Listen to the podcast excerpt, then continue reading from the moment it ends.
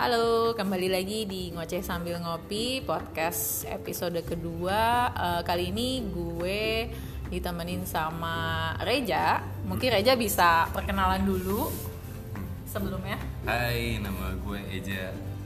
Gue UX designer sih ya. Terus habis itu sekarang lagi kerja di Gordi. Mungkin bisa dijelasin sedikit Gordi itu apa? Mungkin Vinia Ya. mau ngejelasin. Jangan gitu dong. Oke, Gordi. Gordi itu sebenarnya udah udah ada dari kayak tahun 2016 kan. Terus habis itu uh, ada kita itu dibuat tuh sebenarnya sebagai coffee subscription plan. Terus habis itu ya kita tuh awalnya mau menyelesaikan yang namanya problem kalau misalkan orang-orang itu tuh mau mendapatkan specialty coffee yang kira-kira ter- terbaik lah buat mereka gitu.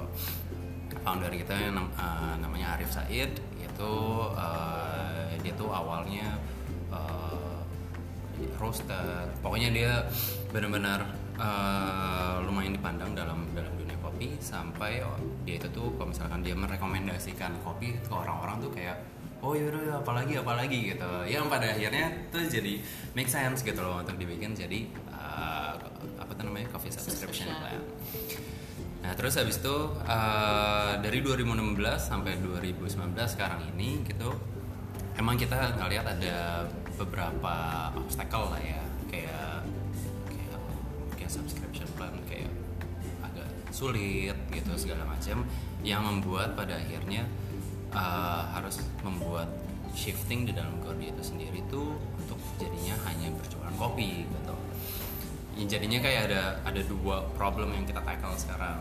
Jadi kira-kira Gordi itu tuh awalnya uh, sebagai subscription plan, coffee subscription plan.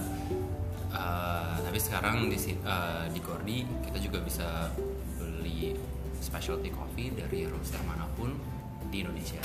Hmm. Nah dari proses eh, yang tadinya mungkin Gordi lebih ke ini kita langsung masuk ke topik discussion kita Hmm. ini ya. Jadi kayak lebih ke design thinking gitu. Yes. Um, di kalau dirunut dari uh, proses uh, hanya subscription plan aja Ya. sampai sekarang apa sih key takeaway-nya aja yang bisa lo share?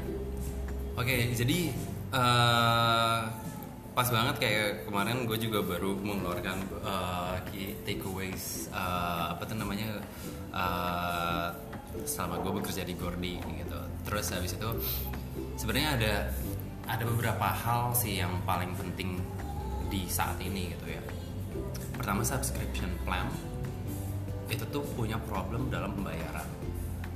Nah, Di Indonesia ya? Di Indonesia Khususnya benar, ya? benar. Khususnya di Indonesia. Di Indonesia tuh kayak apalagi uh, credit card penetration di Indonesia itu tuh hanya 10%. Hmm, Kalau misalkan- kecil ya. Kecil banget Kecil gitu. banget Dan kalau misalkan ngelihat dari angka 2017 ke 2018 itu stagnan. Hmm. Itu yang Oke. menarik karena pada akhirnya kita itu ngerasa kayak ada kemungkinan ini akan stagnan terus.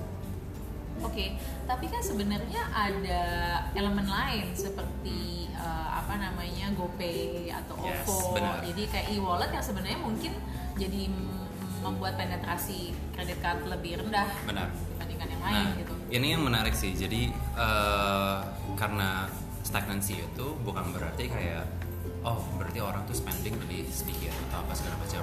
On the contrary, malahan sebenarnya tuh orang malah spending makin banyak dari tahun ke tahun gitu. Nah, terus habis itu eh nah kalau misalkan di apa tuh namanya? Di eh, kayak misal GoPay segala macam emang sekarang udah kita ngeliat ada pay later segala macam kayak gitu gitu. Yes. itu yang menurut gua bisa ngebantu banget yang namanya eh, apa ya oh, lending dengan cara yang berbeda gitu. Jadi akses orang untuk istilahnya meminjam kayak meminjam uang gitu itu tuh jadi banyak banget Iya. caranya gitu Lebih gampang gitu ya. Yes, jauh lebih gampang juga. Bahkan kayak pay later aja gue nggak tahu kayak belum tahu sih sebenarnya gimana cara mereka itu memberikan uh, rating kepada usernya. Based on apa based on apa pemakaian, pemakaian apa atau apa benar masukin GoPay-nya berapa Yes, gitu benar. Nah terus Iya, habis itu kita pun juga ngeliat ada yang uh, sedikit lebih konvensional kayak aku laku atau kredivo Hmm. segala macam. Itu menurut menurut gue kayak ini aksesnya banyak banget gitu loh. Yang membuat kredit card itu menjadi stagnan. betul Tapi dalam problem di subscription ini ya yang menurut gue itu adalah payment method yang kita punya ini tuh sejauh ini baru baru credit card gitu loh. Dan kita punya dan kita sebenarnya bisa kayak uh, balik lagi kayak yang ke kredivo atau aku laku segala macam. Tapi itu pun menurut gue yang belum benar-benar menyelesaikan permasalahan. Karena karena itu landing kan. Jadi orang-orang tuh harus uh, ada compliance ada background check segala macam. Kayak misalnya kredivo sendiri kan gue juga harus uh, ngeliat apa tuh namanya uh, slip gaji kakak gue kayak gitu. Emang itu one time ya tapi habis itu tapi tetap itu background check gitu loh. ya Padahal sebenarnya yang permasalahan utama di sini adalah gue cuma pengen recurring payment. sih tapi dengan kalau nggak salah di website GoPay kan udah ada GoPay. Yes, GoPay udah ada. Tapi yang yang nggak bisa dilakukan itu adalah yang belum bisa Recurring-nya dilakukan. itu. Recurring-nya itu. Di saat orang itu langganan, terus habis itu kayak Januari, gue ngeluarin GoPay seratus ribu. Hmm. Di Februari keluarin lagi seratus ribu secara automatically itu itu belum bisa gitu. Ya. Nah, menurut gue padahal itu kayak harusnya lumayan simple tapi itu belum ada aja sih gitu itu yang membuat ya no wonder kalau misalnya subscription model itu tuh bukan sesuatu yang populer karena dari payment methodnya sendiri itu tuh kayak infrastruktur itu belum belum fully completed gitu loh. Nah ini yang eh, membuat gue tuh kayak kayak apa ya? It can be a chance for me kayak untuk kayak kayak hey UX designer yang lain gitu. Kalau misalkan kalian menemukan problem ini kayak kayak tolong gitu. Eh, sebenarnya ini sebuah sebuah dunia industri yang menarik banget sih subscription model itu. Karena di saat kita itu beli barang kita melihat payment itu tuh sebagai kayak yaudah hanya satu proses yang paling terakhir. Tapi kalau misal kalau misalkan langganan enggak payment itu continuous soalnya continuous ya. yang di mana menurut gua payment itu tuh di embed menjadi produknya itu sendiri atau service itu sendiri Hmm. kayak gimana easiness of uh, paying the uh, the subscription itu tuh menurut gua jadi make or breaknya juga gitu loh Hmm. kalau misalkan kayak ah gua nggak punya kartu kredit ya udah Ya selesai udah, iya. udah selesai gitu Oke. apalagi kalau misalkan gue juga nggak punya kredivo gitu ya udah selesai lagi gitu Hmm. jadi ini masih kayak sebuah realm yang masih dark juga gitu Hmm. menurut gue kayak it might be fantastic kalau misalkan ada yang ada yang ada satu effort yang mau uh, nge-solve ini juga gitu Nah balik lagi sebenarnya ke proses dari Gordy awal berdiri sampai sekarang kan udah banyak banget optimize gitu ya. ya Eh, ini contoh, maksudnya contoh aja karena dari Gordy mungkin eh, salah satu yang pertama di eh, dunia subscription model di Indonesia. ya Yang eh, artinya orang-orang belum berani untuk mencoba dia udah berani mencoba sendiri gitu ya. Uh, what have you done, I guess, in the back Hmm. with the team Hmm. to actually solve these uh, pain points atau issues? Ya, Nah, ini ini berarti kan eh, kalau misalnya kita ngomong metode kayak kita ngomongin metode yang paling klasik yang berjalan saat ini, which is design thinking. Design Iya. thinking. Yoi, Tapi design masih thinking banyak yang belum terlalu paham sebenarnya design thinking itu apa gitu aja. Jadi mungkin lo bisa explain lebih apa ya? Oke, on a layman uh, ini aja ya, Iya, kayak iya. design thinking itu tuh sebenarnya hanya sebuah cara, kayak framework gitu. Gimana cara kita menyelesaikan sebuah permasalahan. Kayak sebenarnya sesimpel itu, kayak intinya adalah kayak kita research, terus habis itu kita mendefine dari data tersebut, terus habis itu kita empathize, terus habis itu kita ideate, habis itu kita produce uh, desainnya. Habis itu yang itu yang baru yang namanya ada iterasinya. Kayak kita harus ngecek kayak desain ini working atau enggak gitu. Makanya kita sering mendengar yang namanya eksperimen segala macam. Eksperimen tuh benar-benar kayak wah bagus banget kalau misalnya digabungin itu sama design thinking gitu karena awal mulai itu berangkat selalu dari research. Makanya sekarang kita kayak wah kalau misalnya gue sekarang ngeliat lowongan kerja kayak UX researcher banyak banget gitu. Iya. dan emang emang mereka punya peranan yang penting banget gitu loh. Di saat mereka bisa uh, mendapatkan data and then they synthesize it and then translate it into design gitu. Itu menurut gue menurut gue itu design thinking at its finest gitu loh. Nah terus habis itu emang pada akhirnya orang-orang kayak pusing sama design thinking gara-gara kayak Oh, kayaknya ribet gitu kayaknya kan sih? ribet Ah. gitu. Emang emang sih kayak eh, banyak banyak melakukan workshopnya apa segala macam. Memang terkesan itu semuanya menjadi ribet gitu loh. Tapi emang karena design thinking sendiri itu tuh kan kayak sebuah framework yang turunan yang kita tahu tuh IDEO gitu. IDEO tuh mengeluarkan yang namanya ada uh, design thinking sampai mereka bikin toolkitnya juga Ya. gitu nah kayak kalau misalnya pas Untuk lagi research iya ya. untuk memudahkan gitu pas lagi research itu kayak gimana gitu Iya.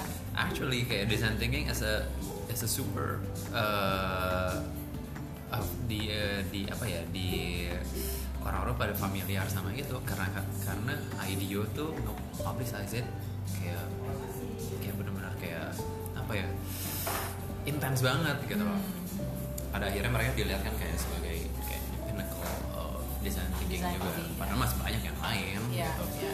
terus habis itu nah yang ngebuat ribet itu adalah karena kita ngelihat kadang-kadang kita entangled sama hal-hal yang lain ada design sprint juga Ya.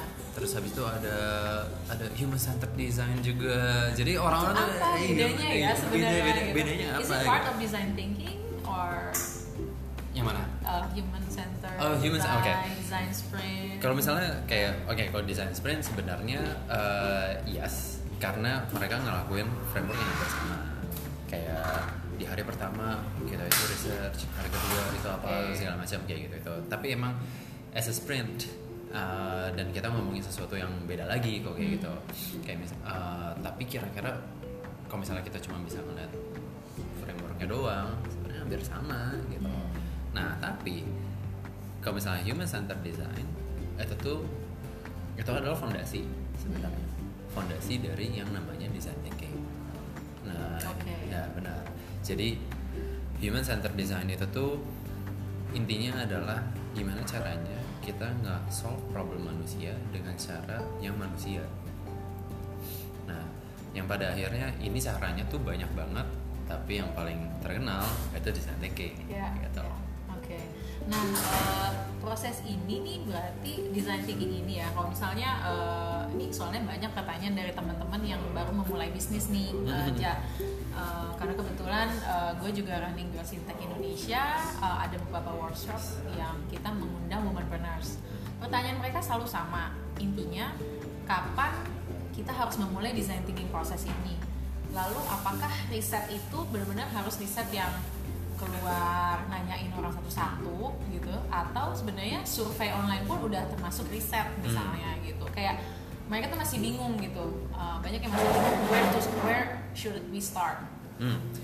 Itu eh, pertanyaan bagus. Jadi emang orang-orang tuh pada punya problem di mana kayak kayak gue nggak bisa ngelakuin research yang sekarang gede banget kayak Yes. gitu gitu dan mereka juga takut kayak yang namanya research kalau misalnya nggak dilakukan ke banyak orang nanti jadinya kayak nggak valid apalah segala macam which is nggak salah tuh tapi dalam design thinking itu tuh yang benar-benar jadi dalam researchnya itu tuh kita benar-benar surrounding yang namanya uh, qualitative research.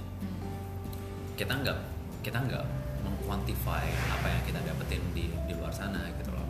Tapi kita always qualifying the data dan lain-lain.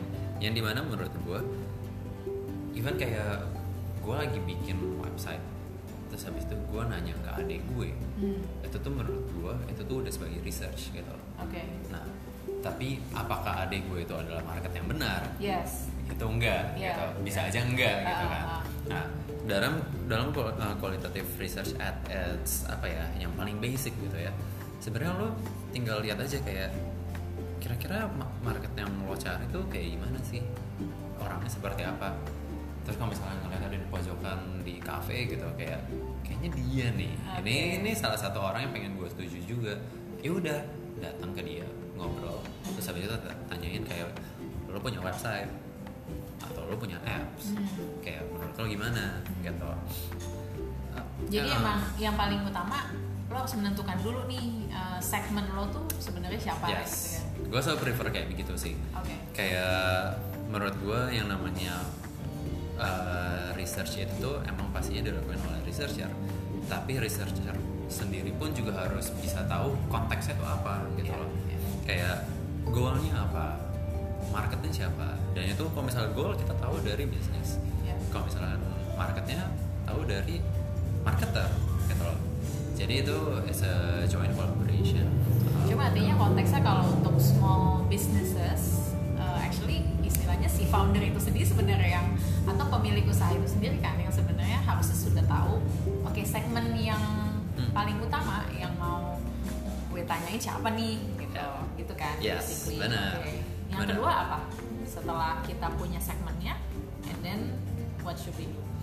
Yang kedua menurut gue uh, kalau misalnya goal kan kayak lo harus setup kayak dari research ini lo tuh mau tahu tentang apaan gitu karena lo pun juga adalah sebuah hal yang salah kalau misalnya lo pengen nge-prove sesuatu itu berarti namanya bukan research itu berarti namanya testing gitu kalau research itu berarti kita bertanya di mana kayak uh, menurut lo kayak gimana apa segala macam tapi kalau misalnya testing itu kan bener-bener kayak lo bisa iya benar nyobain kayak lo bisa nggak nih kayak check out dari sebuah Iya, iya. e-commerce gitu loh itu Iya, lo iya. bisa nggak gitu itu testing nah kalau research berarti kayak lo harus tahu goal itu apa Hmm. kayak yang pengen lo tahu apa masalahnya kadang-kadang orang pertanyaan banyak banget kan Iya. Nah, ini harus dikompas gitu iya, too kayaknya. much gitu. Ah, ah. Dari, or- dari marketing kayak pengen, apa yang tahu mereka tahu kita dari mana gitu. Iya. Dari bisnis kayak apa yang membuat kita revenue-nya paling yang paling besar Iya, gitu. betul, Kayak pertanyaan-pertanyaan itu. Yang sebenarnya makanya ada yang namanya researcher itu tuh bisa nge-translate semua pertanyaan itu menjadi pertanyaan pertanyaan yang human gitu loh. Yang user centric gitu Iya, kan iya.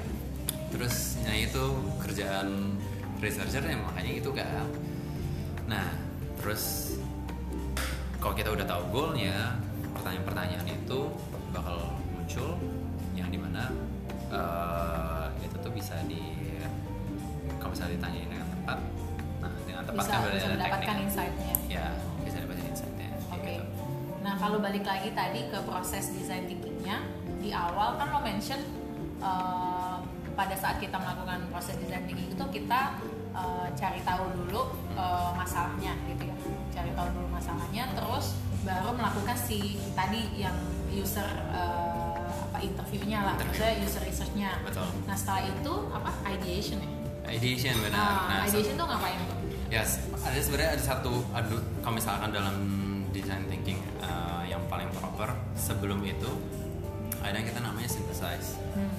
Jadi biasanya kayak kita udah tahu nih uh, data-data dari orang-orang ini kan kayak data-data ini adalah sebuah findings gitu. Hmm. Findings itu adalah yang kita namakan kalau misalnya ini dikonklusikan oh kira-kira orang tuh nggak suka A ternyata sukanya tuh ngelakuinnya B gitu. Hmm. itu findings karena kita bisa ngeliat datanya tuh kayak begitu nah tapi kadang kadang-kadang ada beberapa findings yang bisa kita gabung. Dan kita bisa nge-relate itu dari past experiences dari business experiences dari orang-orang marketing dari orang-orang field apa segala macam. Yang pada akhirnya pas mereka lihat kayak mereka bisa making sense of the, uh, the data dan pada akhirnya mereka bisa membuat sebuah statement. Kayak oh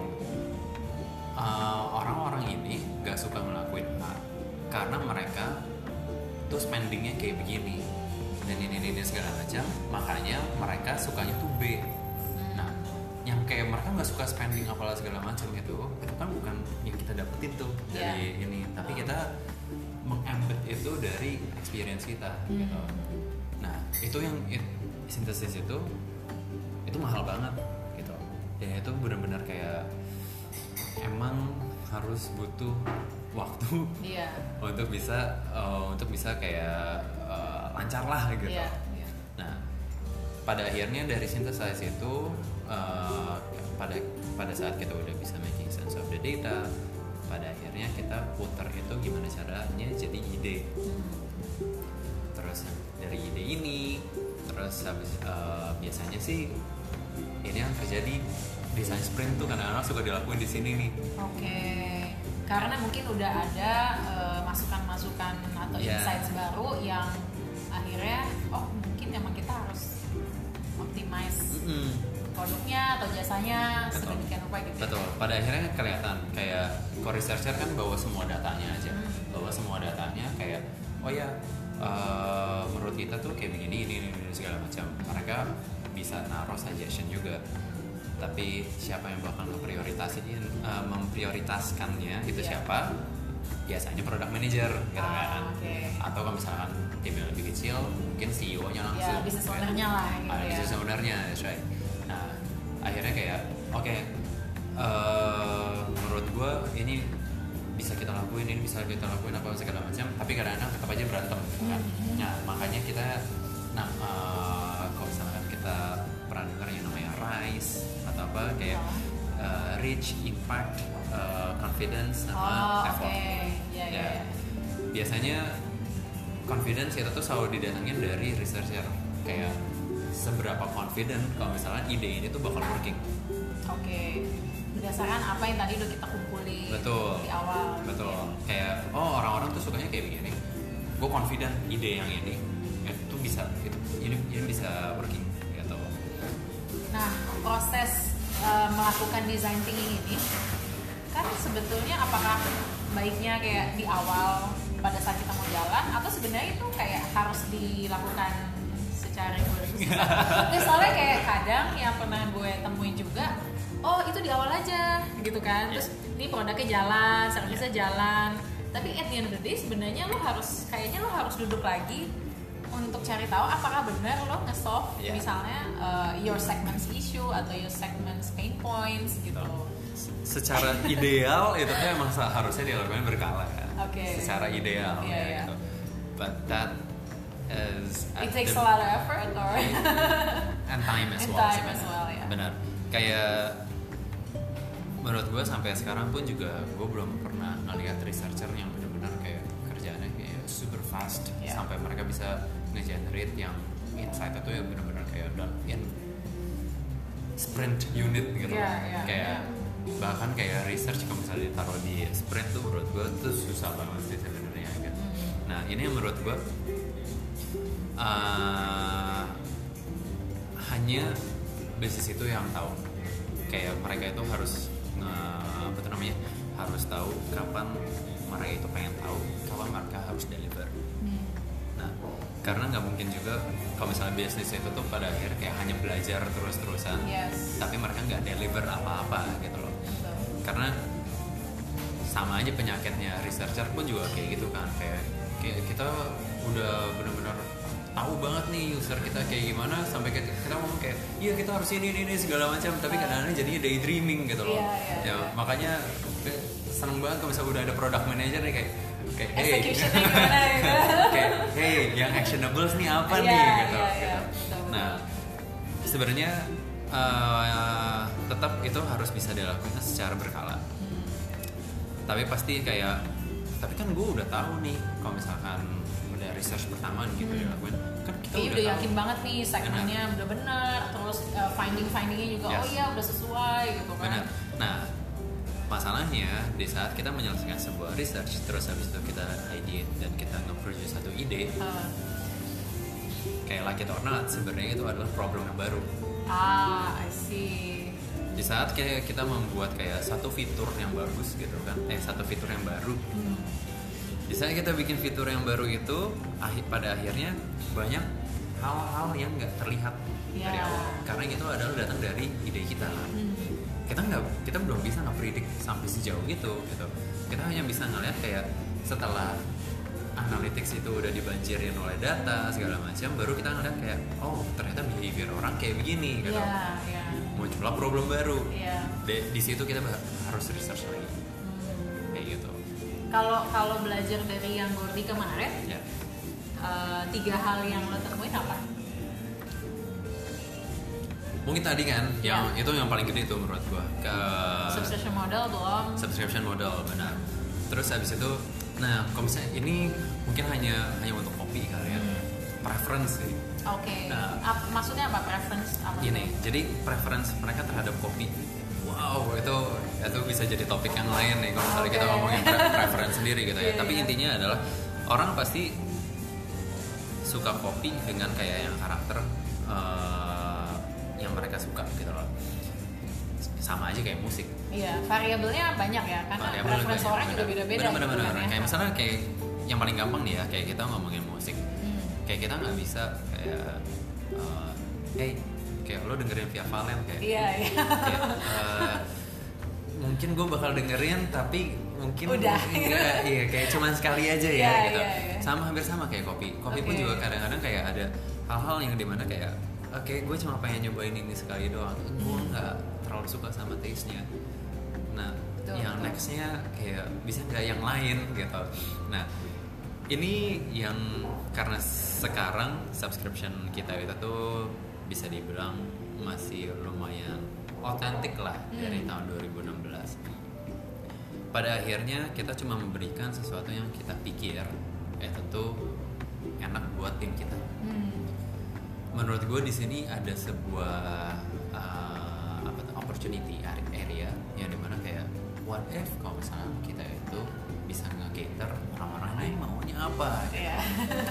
ya kita juga ada beberapa ide yang kayak uh, yang bakal kita execute juga kayak misalkan kira-kira inti goalnya itu adalah mereka itu suka kopi itu kayak gimana sih Hmm.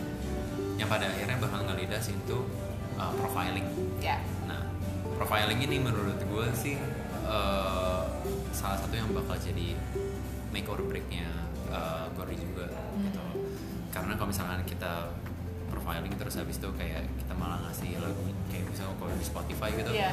gue dengerin dengerin biasanya metal gitu tapi taunya tiba-tiba gue disuruh dengerin dangdut gitu nah, itu hal-hal yang Iya, harus iya. kita benar-benar aware banget kayak gitu dan di kopi tuh untungnya nggak terlalu orang-orang nggak terlalu se peka itu kali ya jadi kalau misalkan kayak orang dikasih kopi yang mereka nggak suka mereka pasti bakal bilang kayak oh kayak ini enggak gue kurang suka sih tapi oke gue masih Hmm, mau masih minum kok iya gitu. benar tapi kalau misalnya itu dilaku, dilakuin kayak consecutively kayak tiga kali gitu nah itu baru problem kan I see. Iya. Iya, iya. ya itu nah itu Yang yang, kedua. Ketiga, terus habis itu yang ketiga menurut gue ini yang paling menarik. Karena karena dari awal Gordia itu kan berdiri uh, dengan dua hal kan. Ada kafenya sama ada Gordia.id yaitu tuh uh, ya kita jualan subscription uh, coffee-nya itu.